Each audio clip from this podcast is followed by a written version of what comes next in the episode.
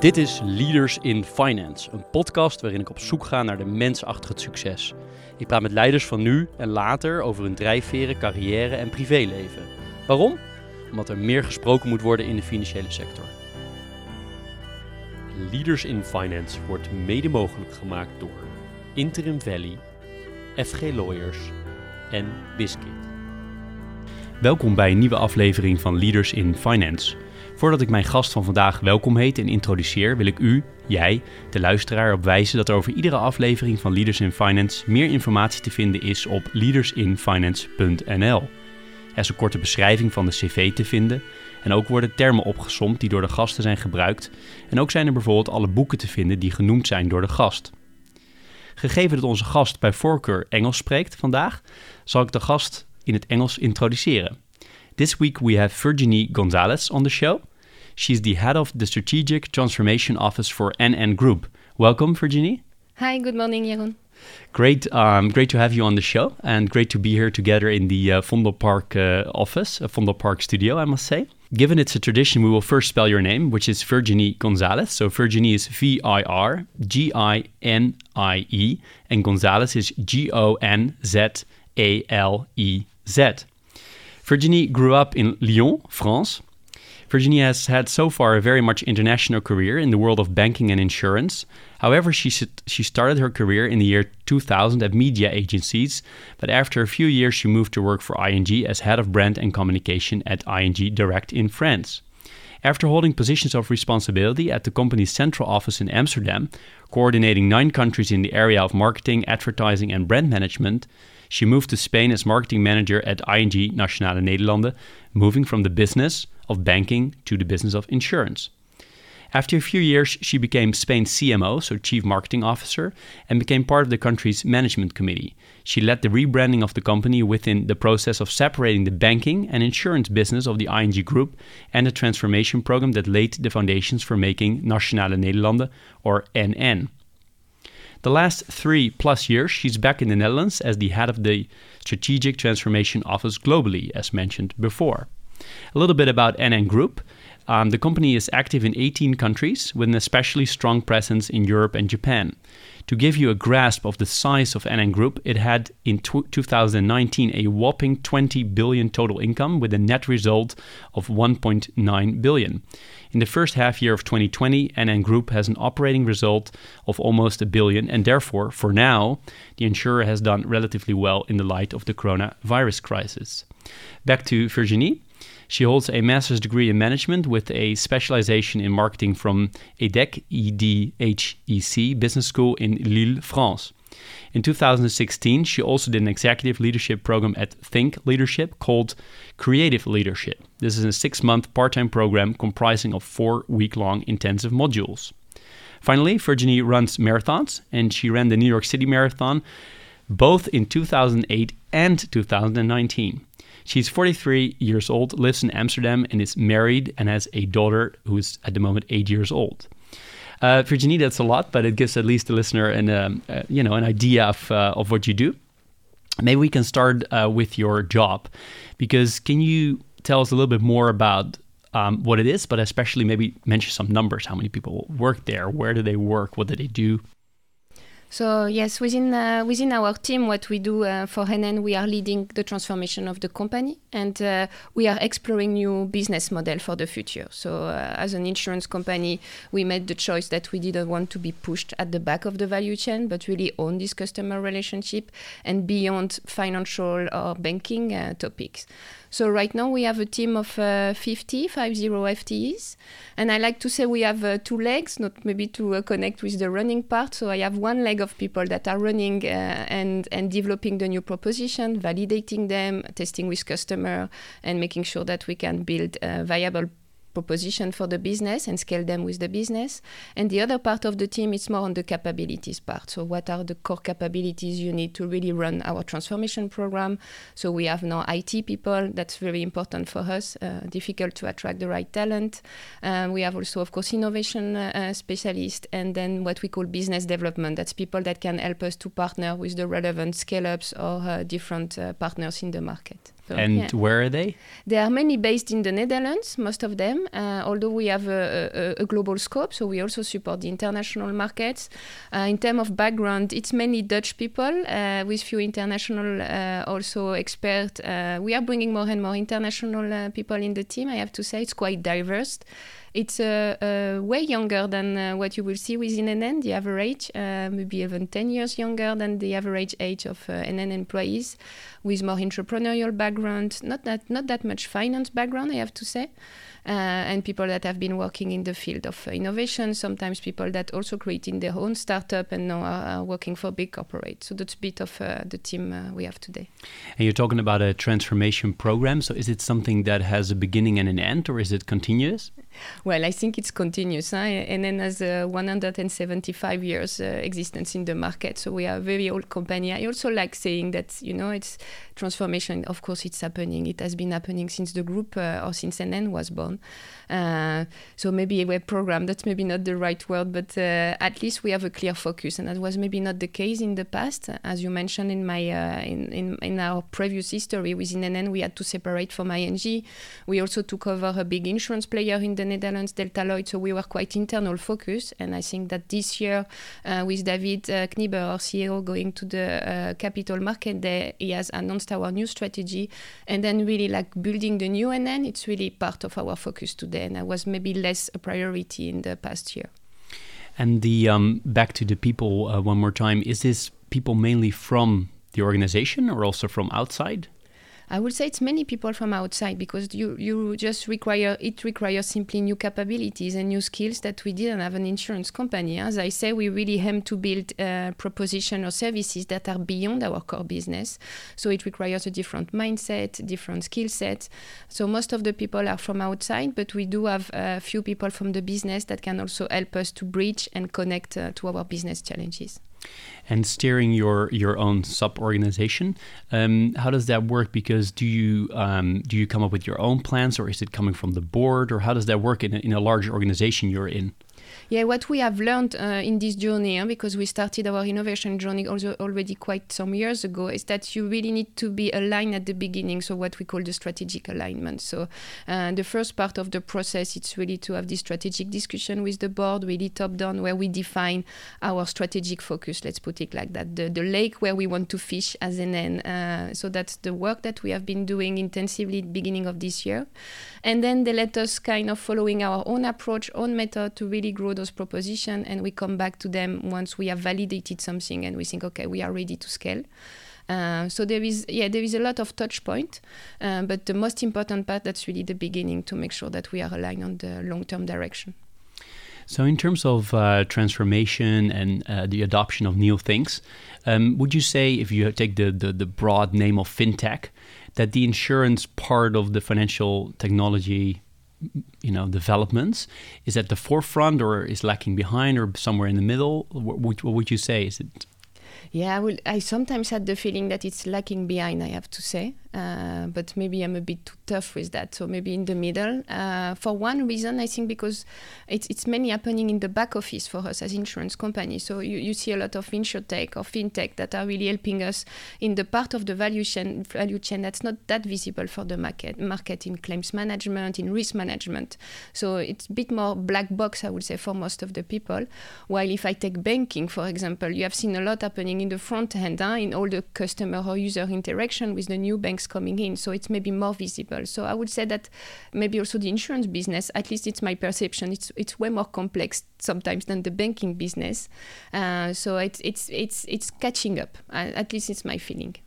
And in banking, we've seen, uh, you know, competitors in kind of, you know, in certain pockets of the bank, in all kinds of pockets, there competitors started. The last few years, I've seen also people I know well that started like what you called insure tech companies.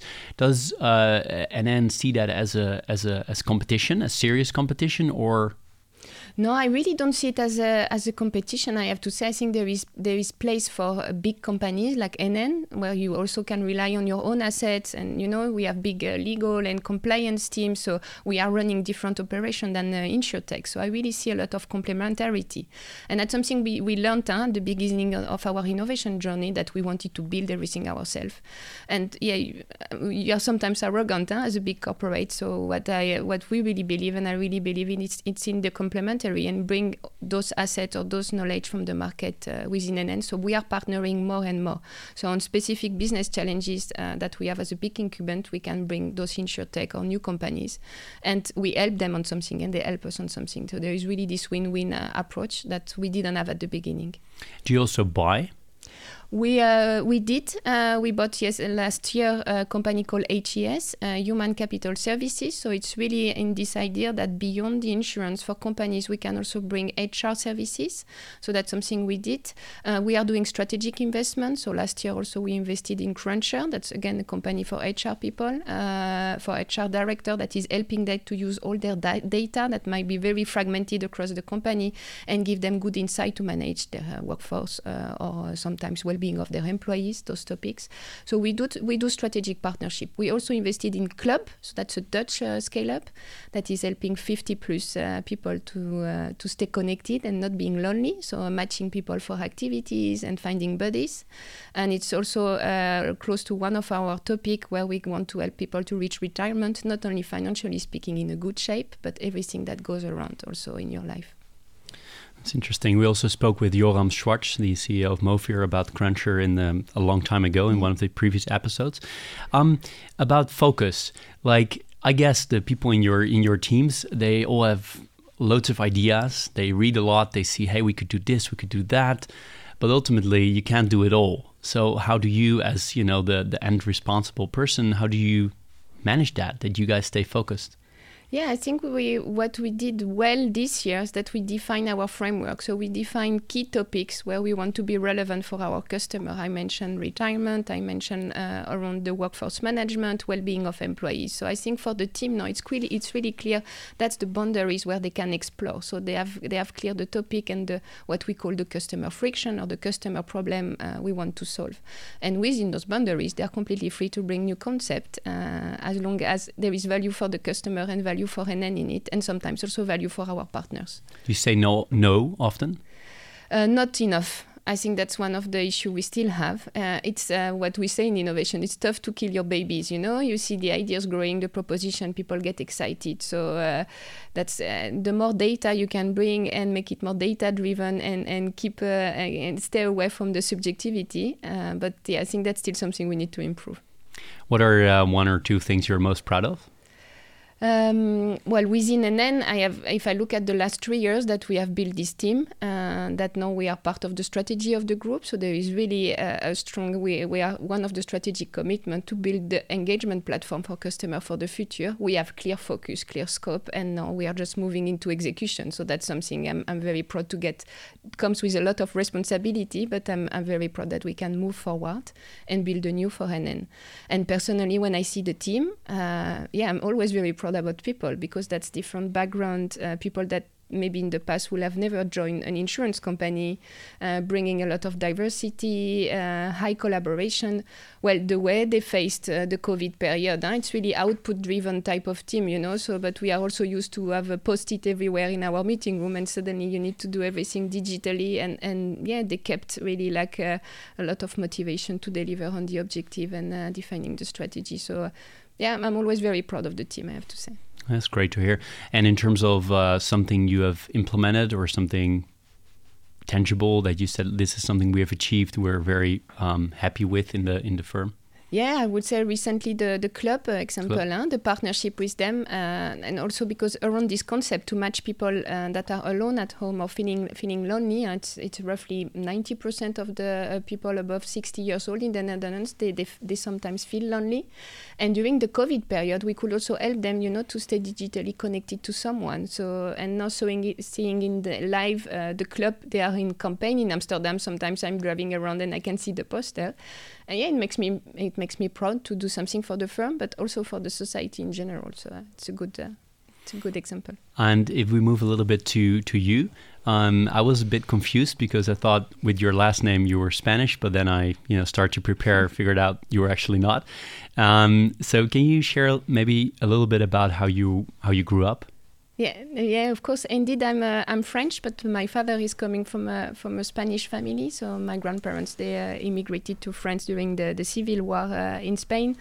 Um, so I'm, I'm coming from a very uh, very simple family, huh? really a blue collar type of people. Uh, my father was a self-made man. He started working in factory and then uh, built his own uh, small company. So uh, I guess I got a lot from him. In, in what kind of company?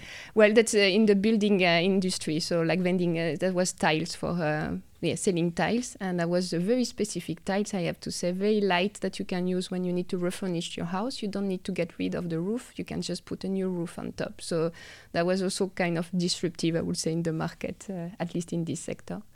Um, yeah, I think we uh, we have a very loving family uh, with very simple rules, like uh, uh, work very hard and then you will you will go somewhere. So that's basically uh, where I come from. We live in a small village close to Lyon, uh, countryside. So I also had a lot of freedom when I, when I was a king, uh, a kid, not uh, like in the Netherlands, but biking everywhere in the hills. So that was also really nice.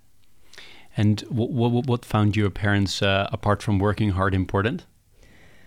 Um, you mean in what they, they teach us? Yeah, I think education. They didn't get a chance to go to school, so for them that was uh, yeah. You really had to to work very hard at school, uh, get educated. Uh, I think my father was also pretty modern. I have to say because he, he teaches us with my sister to be independent, especially financially speaking. That you can just make your own choice, um, not always go for the easy choice. Also uh, go for the tough one and, and the one that will make you happy. So uh, he gave us a lot of opportunity to test, to travel uh, to investigate where we wanted to be uh, uh, as a, as adult. Um, it was really cool also with my mother. He was working very hard, but always helping at home and, and doing things that yet for me was normal. But I found out that was maybe not uh, uh, the general dad uh, from this type of generation. Um, yeah, and respecting people. I think equality, and uh, you know, they, they really they come from a blue collar family. So for them, the, anyone should have the same chance in life, you know, to succeed, and uh, you should treat everyone equal. So that's also something I have. Uh, I think they gave me uh, a lot as a as a value. Why did you go into marketing and business as education? Yeah, that's funny because I uh, I was quite a good student after high school, uh, and I wanted uh, I was good in math and science, and I wanted to be an engineer. I had no clue what it. I, I I don't know. I just wanted to do that. So we went with my father visiting the the, the preparation for the business school in France. That's the way it works, and I had a lot of discussion with people, conversation with with students and teachers and yeah, when I left, my father asked me, "So, how does it feel?" And, and you know, you have this gut feeling. You say, "Yeah, that sounds like they are very smart," but I didn't have any connection with people. So uh, we decided to visit the business school part uh, and left the engineer school uh, on one side. And yeah, I had great discussion with most of the people, uh, and I, I didn't want to leave. So at the end, my father said, "Yeah, just change your mind. No one is forcing you in this way." And I ended up uh, studying marketing and uh, business administration yeah, thanks. Happy, or you're uh, you're still feel like the other topic, no. the engineering topics? Yeah, I don't think I can always try to do that now, but I think it fits my personality very well. So it was a good choice. When was the moment you thought I'd go into financial services? Yeah, I, I didn't plan for that. I don't have to say. So I was working, as you mentioned, uh, for uh, media and, and, communication agencies, really enjoying my jobs. I got uh, called by someone and he said, Yeah, that's a job for a bank. So I started having fun with my colleagues back in time. I would never fit in the bank. That's not for me. But the guy, I don't know, managed to convince me to go for the interview. So I was intrigued. And uh, I imagine going in the center of Paris in big building, a big bank. And I uh, ended up outside Paris in a very popular neighborhood, I have to say. Only one floor. Uh, with a mail room, a call center, and a few desks. And I had directly an interview with the CEO, and that was ING Direct. So they were an online bank, uh, the first one in the, in the market. So yeah, mean, that was those guys. They are not running a bank. That can be. And the CEO was we. That was not an interview. That was mainly a conversation. He shared the, the challenges, the vision, what they wanted to achieve. I think also pretty much in this Dutch were very direct, very open. Was the Dutch CEO? It was a French, uh. CEO, but I think working with Dutch, he uh, adopted a lot of the Dutch way of working. And I, I like the directness. You know, that's that I don't know where it will go, but if you want to join the challenge, that's a beautiful challenge. And then I said yes, and I was the first very surprised to uh, to join uh, to join a bank. That's a perfect bridge because one of the questions uh, I wrote down is.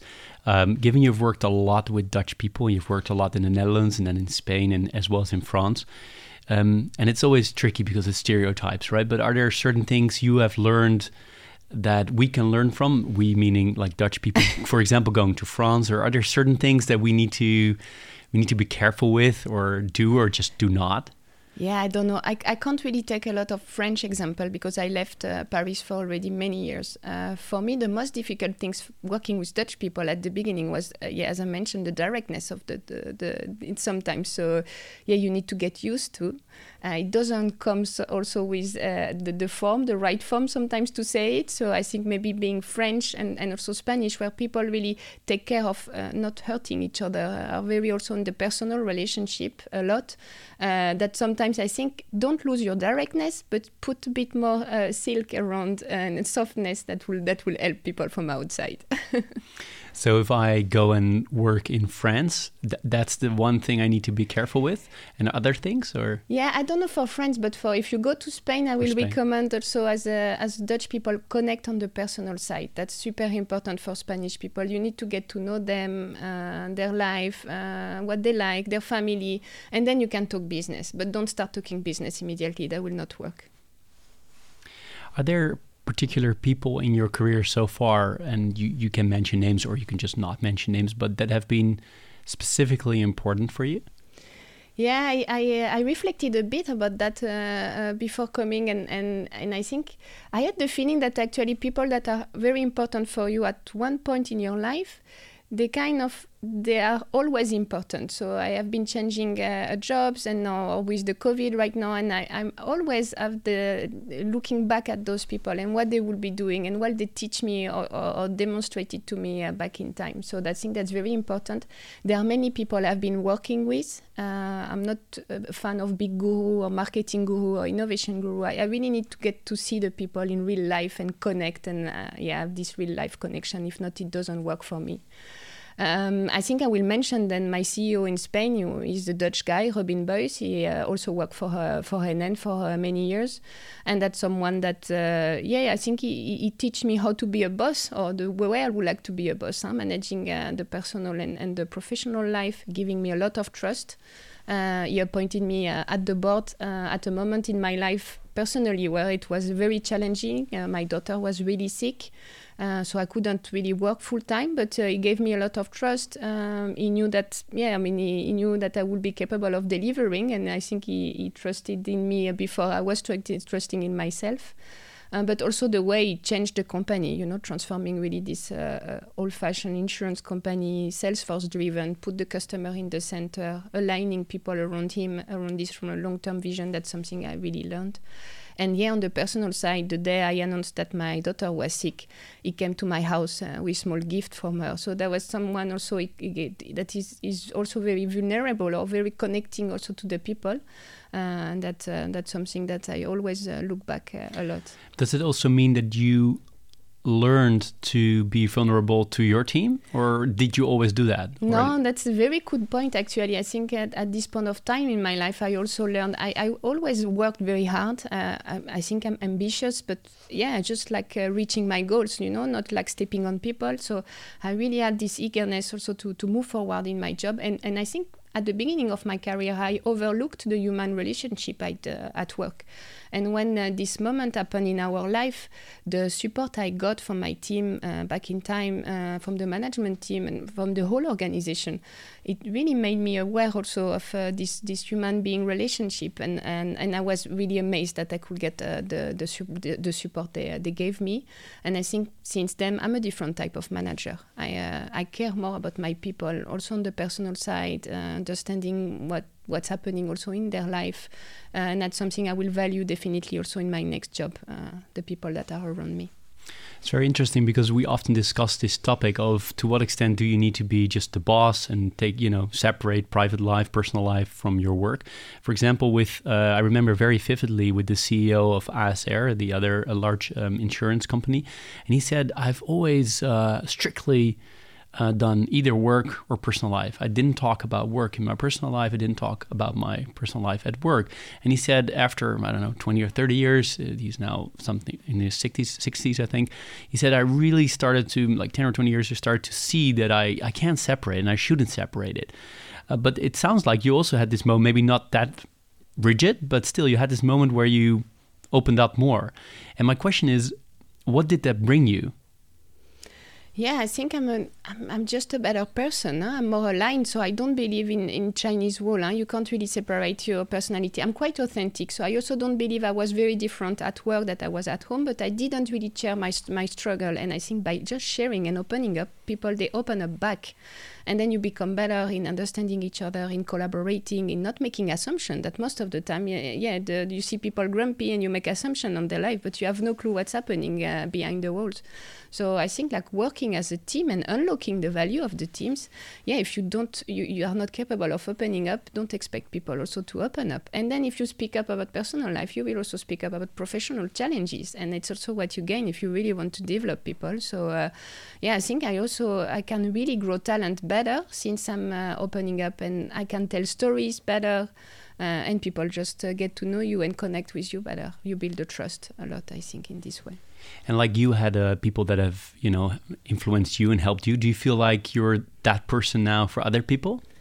Yeah, I wish I could say that. It's hard to reflect for yourself, but if you ask me what I'm really proud of, I, am proud when I see people that have been working with me, growing, uh, reaching out for uh, mentoring or coaching for advice uh, before making a, a, big choice in their uh, professional life. Uh, that that really uh, makes me also very proud. So yeah, at my scale, I also yeah I hope I have an impact on on some on some people. Which um, added value do, do you want to have um, for society broader than just the company, if there is any? Yeah, I mean, I, I really believe so. It's really marketing uh, uh, type of speech, you know, like getting to know your customer and their challenges. But I've always believed in that. I started working in agencies, and when you work in communication agency, you serve your customer. I mean, at this point of time in 2000, it was sleeping, weekend, everything around your, your, your customers, you know, preparing pitch. So I have this really servicing your customer and getting to know them. That's been really part of the beginning of my career. Then I moved to ING Direct, and that was the same online business. Customers they give you feedback every day if they like it or they don't like it. So that's also really shaped me. And I think society is not that far. At the end, it's getting to know people around you and helping them on their main challenges. So I, I really believe that any types of company, an insurance company or in other sector, you can do good for society if you have the good value. So if you think that you are the good guys, that you really want to solve important problems that are maybe problem for you, but might also be problem for the society, we will have an impact. So today we, we work on this target group of 50 plus. We started thinking, okay, we are a big pension, uh, we are a big pension company, so it's very relevant target group. So that was really corporate driven.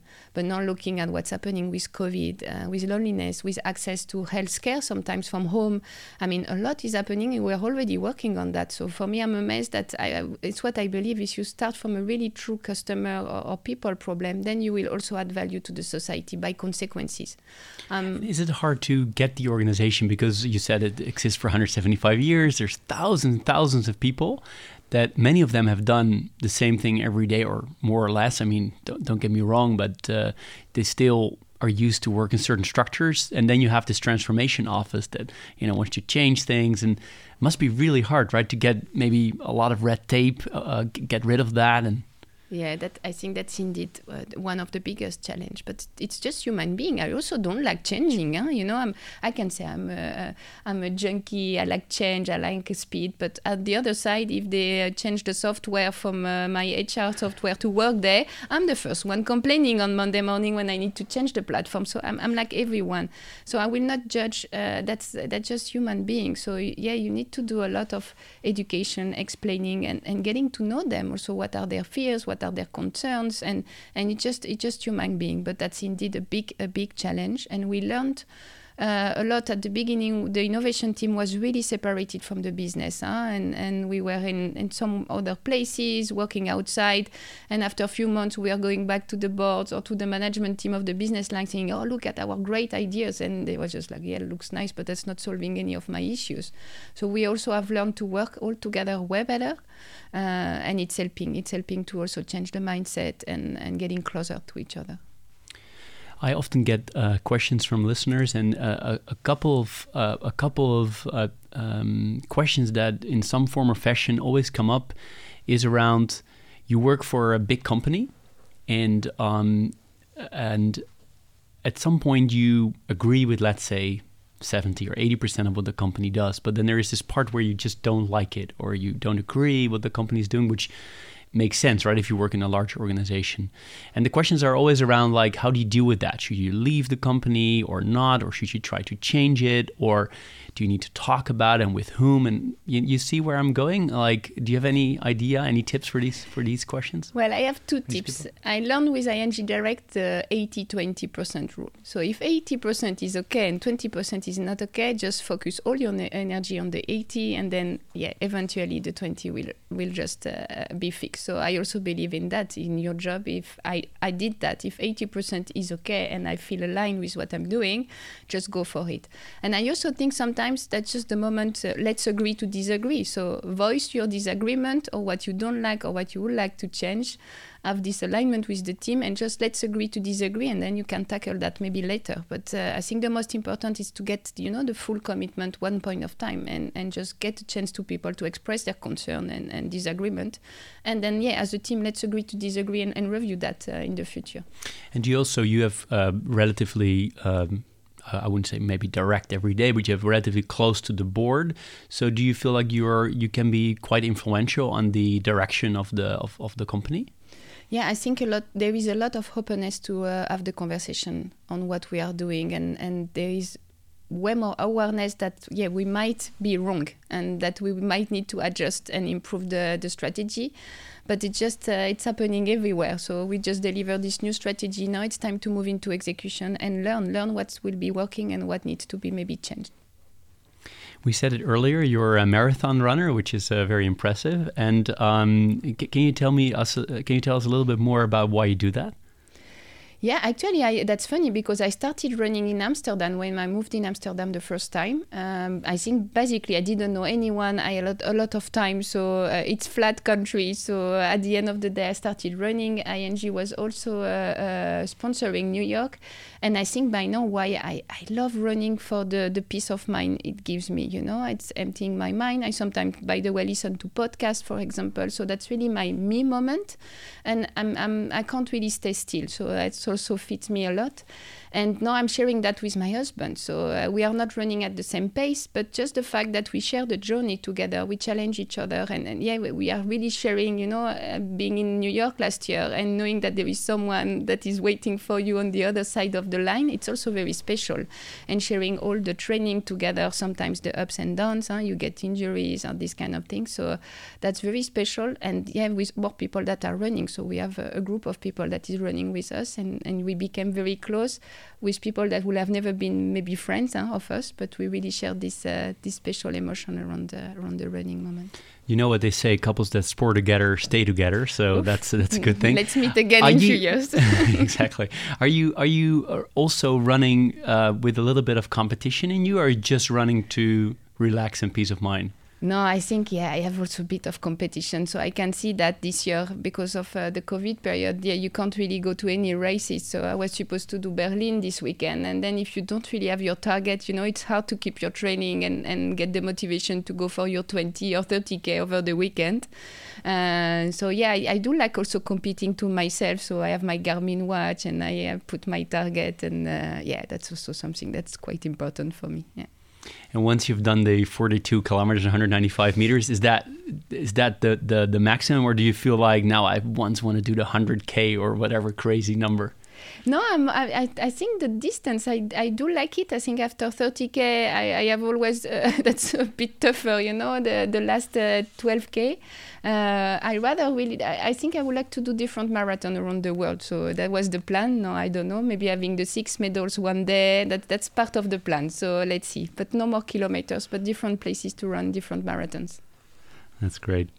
Um, I was also um, wondering uh, what I said in the introduction around the THNK uh, leadership program you did. Um, was that something you would recommend to people?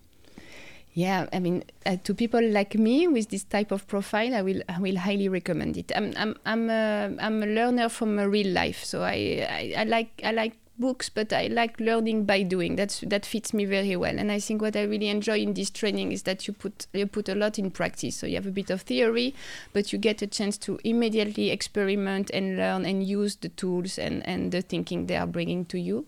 What I also really enjoy, that's the two sides of the training. You have a lot about yourself, your own leadership, uh, uh, self-reflection, where you want to go, where you want to have impact on society, maybe also working for a corporate, uh, and then more on the theory, on innovation, scale-ups, etc. So uh, that, that this program fits me very well. I think it's more my type of uh, training than maybe a traditional MBA. Uh, I also connected with people from very different backgrounds. So when you work in your own bubble in insurance banking, we always see the same type of people. And in this program, you have people from uh, ONG or with very different type of uh, of career uh, and life, and that was also super enriching for me. Interesting. And um, as you know, we also have a, a teaser and a pleaser at uh, at Leaders in Finance. And uh, the teaser is, is pretty close to the previous topic, um, uh, coincidentally, not really.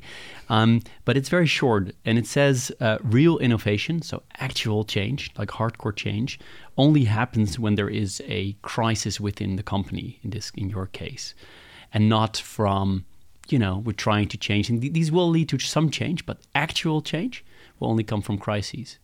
Do you agree with that? Yeah, I, I think you need you need uh, this awareness call huh, sometimes to really get the people uh, engaged and align in the direction. So I, I do believe in that. Yeah, I believe that you need a kind of electroshock sometimes to move ahead.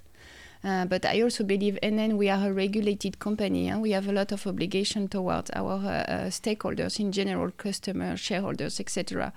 So yeah, I, I don't think we are the type of company that will really bring this uh, this very disruptive innovation.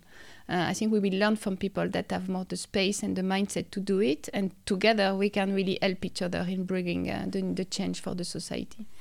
Uh, terrible teaser, but um, do you see certain uh, certain mini crises that have helped NN to change certain things? You, you, change you wanted to see? Well, I, I, mean, just look at the COVID, the way we are working. I mean, we suddenly decided to work from home in, in one week, and amazingly, everything went super smooth. So uh, that's that. I mean, I'm impressed having this big uh, company that has been running for years with a certain way of working that is capable managing agile transformation for many years uh, with a lot of challenges, and in in few weeks, everyone for working from home uh, hardly no impact on our customer processes or business processes. That's it's amazing. So yeah, I, I believe uh, that can really indeed happen. Yeah.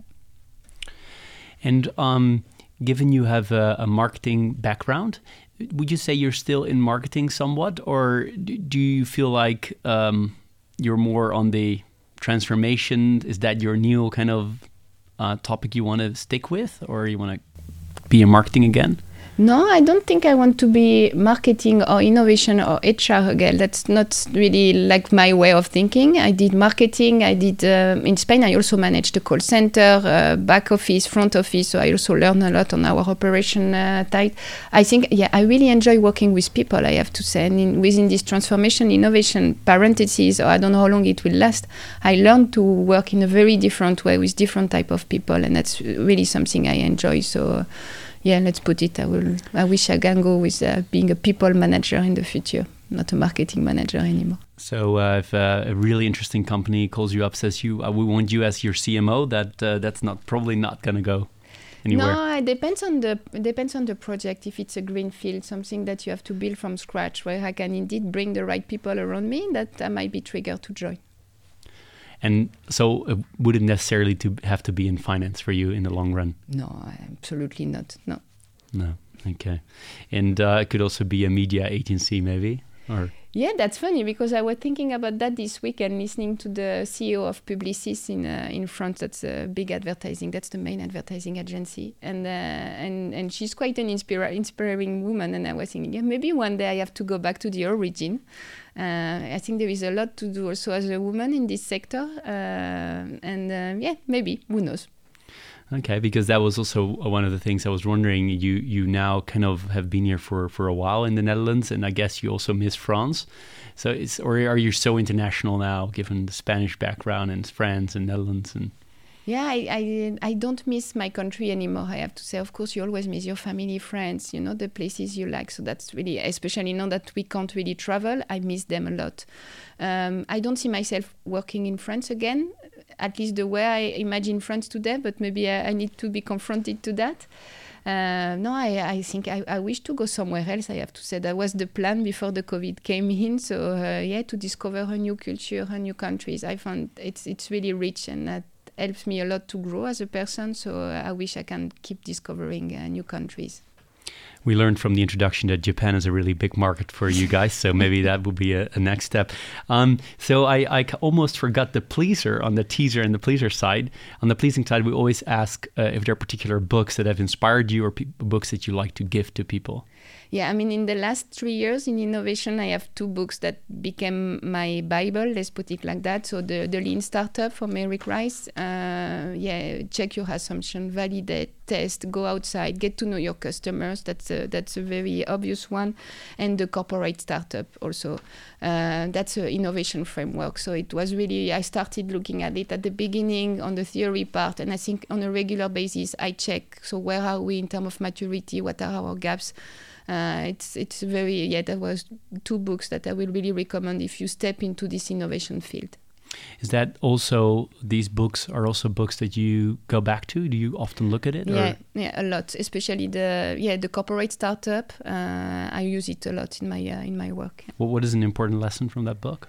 Yeah, I think uh, the complexity of the of your innovation framework. I mean, maybe yeah, I don't know. Maybe I was very arrogant moving from marketing to innovation. I just had the feeling, yeah, you get people in the room, you do a brainstorming, you have great idea, but it's it's a very structured approach. You need to have everything in place, and if one part of your framework is missing, then even the most brilliant idea will not uh, be able to scale in the market.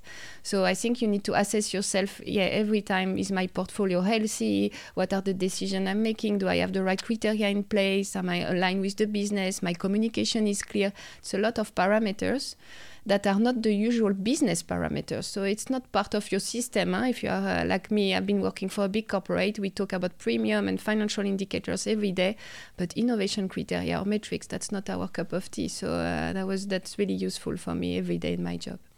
And in personal life, do you also read yeah, interesting books? I do read a lot. I, I like I like uh, yeah, story about life. So people that are telling uh, their challenges or their own life. Uh, so I just read a book from uh, from someone in uh, in France uh, that is a teacher of yoga. She was a, a, journalist and then she changed completely her life. So that's this type of. What's the name of the book or? La réconciliation. So yeah, making up with yourself, let's put it like that, reconciliating with yourself. So that was super inspiring, I have to say, and maybe a good moment in my life. Uh, I read uh, Michelle Obama's book, uh, this type of books. That's uh, the books I really enjoy. And is that um, a way to stay mentally fit? Because we already learned how you stay physically fit. You run, um, but are you? What are you doing to stay fit mentally? Apart from reading? Yeah, well, I, I, I, I wish I would read more, I have to say. I, I cut back on my readings. If I compare uh, when I was younger, having family and, and busy jobs, uh, that's not enough. But I have a very strict routine, I have to say. So I need to wake up early. I do, I exercise every day, um, morning. That's my time. I do meditation. I started doing the lockdown. So you do sports every morning? Every morning, yeah five or seven days a week? no. Well, uh, in general, five for sure. Sometimes a bit more, but uh, yeah, and I need that at the morning for me. And sometimes it's uh, yoga. I do Kundalini yoga, so it's a mix of meditation and yoga at the same times. Uh, and that's something I started very recently because I also needed it uh, to manage the stress and uh, and having a time for me. Um, yeah, and also I think I'm, I'm, I'm having a very balanced uh, private and professional life. So maybe with what happened to our daughter, I really also know uh, I don't want to lose uh, sight of what's really important. So I also really make sure that we have dinner together. We have a moment in the day that it's really, yeah, it's, I know everyone will say that quality times, but uh, where we are fully uh, available for each other and have a good conversation on how was the day. So that's very important for me, reading a book to my daughter before going to bed. At this very special moment, I think they just help you to rebuild uh, yourself, huh, you know, and, and, go through the next day. But it also sounded earlier that you work a lot. So how, how do you do that ultimately? Because you can say I have a, a very healthy balance, but how, how what are the hows here? How do you do it? Yeah, I don't know. I think I, I work all the time you know? I, think my brain is always busy with something from work and that i like it. I, it's not something that's bothering me huh? i was working for the interview and i was thinking yeah and, and, these things tomorrow and maybe that we can do better. So that i'm always even on the weekend uh, i can do that um, yeah, I think if you really enjoy your work, I don't really feel the pain, I have to, to say. So I rather spend 12 hours at work uh, with a very busy day and going back. And I'm very proud to share that with my daughter also. So I can explain to her today I have less time for you, but I did that and that. And that I think it's where you also balance your, uh, your life. You have now about 20 years of experience, uh, work experience, I think, approximately, yes. if I'm not mistaken. Um, and uh, what are the, the tips you have for people that start now, like let's say 20 years ago in your case? Yeah, well, don't be afraid of change. Just, yeah, you know, don't stay. Uh, in always the same function, the same sector. So yeah, like I did, I think I really enjoy actually changing sector, sector and learning. So change as much as you can, especially at the beginning of your career, because you have it's it's a bit more difficult i think after after a few years so change. Well international experience i think i'm a way better professional uh, but also personally i think it's really enriching. As i said you connect the dots you look at the different cultures so you see the similarities and the differences. And in my uh, financial sector i can also see that customers are behaving on one part the same way but you can also see where are the differences and where you can have an impact. So uh, if you have the chance and if you can just change countries, uh, change industries, that's something. Build a lot of memories for when you will be old, because I think it's what you need. As I say, I sometimes when I'm stuck, I think about situation from the past or, or boss I had in the past, and then it's helping you to unlock. And then I also feel when I would be a very old uh, grandma somewhere, I can just open up my uh, uh, memories box and, and pick the one I really like. So build all those memories professionally and, or personally that will make maybe your old days a bit less gray. Let's put it like that. That's great advice. That, that's really good. Um, before I um, I will thank you. I always ask this question: if there is uh, something I should have asked, uh, probably, uh, or something you like to share which I missed, or anything else you'd like to add to the conversation? No, I think that was great, uh, a great mix of personal and professional questions. So I really enjoy uh, enjoy it. So no, I don't see any last question uh, that I will miss. Well, thank you. Um, thanks to Bloomon, the online flower company, you will get a small present after this conversation. And uh, thank you very much. I especially love the comment on that you were you will be the first to, that would actually complain if there's a new software, a new program coming in for a, a important change manager. That was that was very honest, but also very very good to know because it actually works on the small scale, but it must also work on the great, great bigger scale. So, thank you very much for your time and your openness about personal life and, and work as you said yourself. Thank you very much. Dankjewel, Jeroen. Fijne dag. Dit was Leaders in Finance. Elke week weer een nieuwe aflevering. Elke week weer een mens achter het succes. Ik vind het belangrijk om te zeggen, deze podcast zou er niet zijn zonder onze partners Interim Valley, FG Lawyers en Biscuit.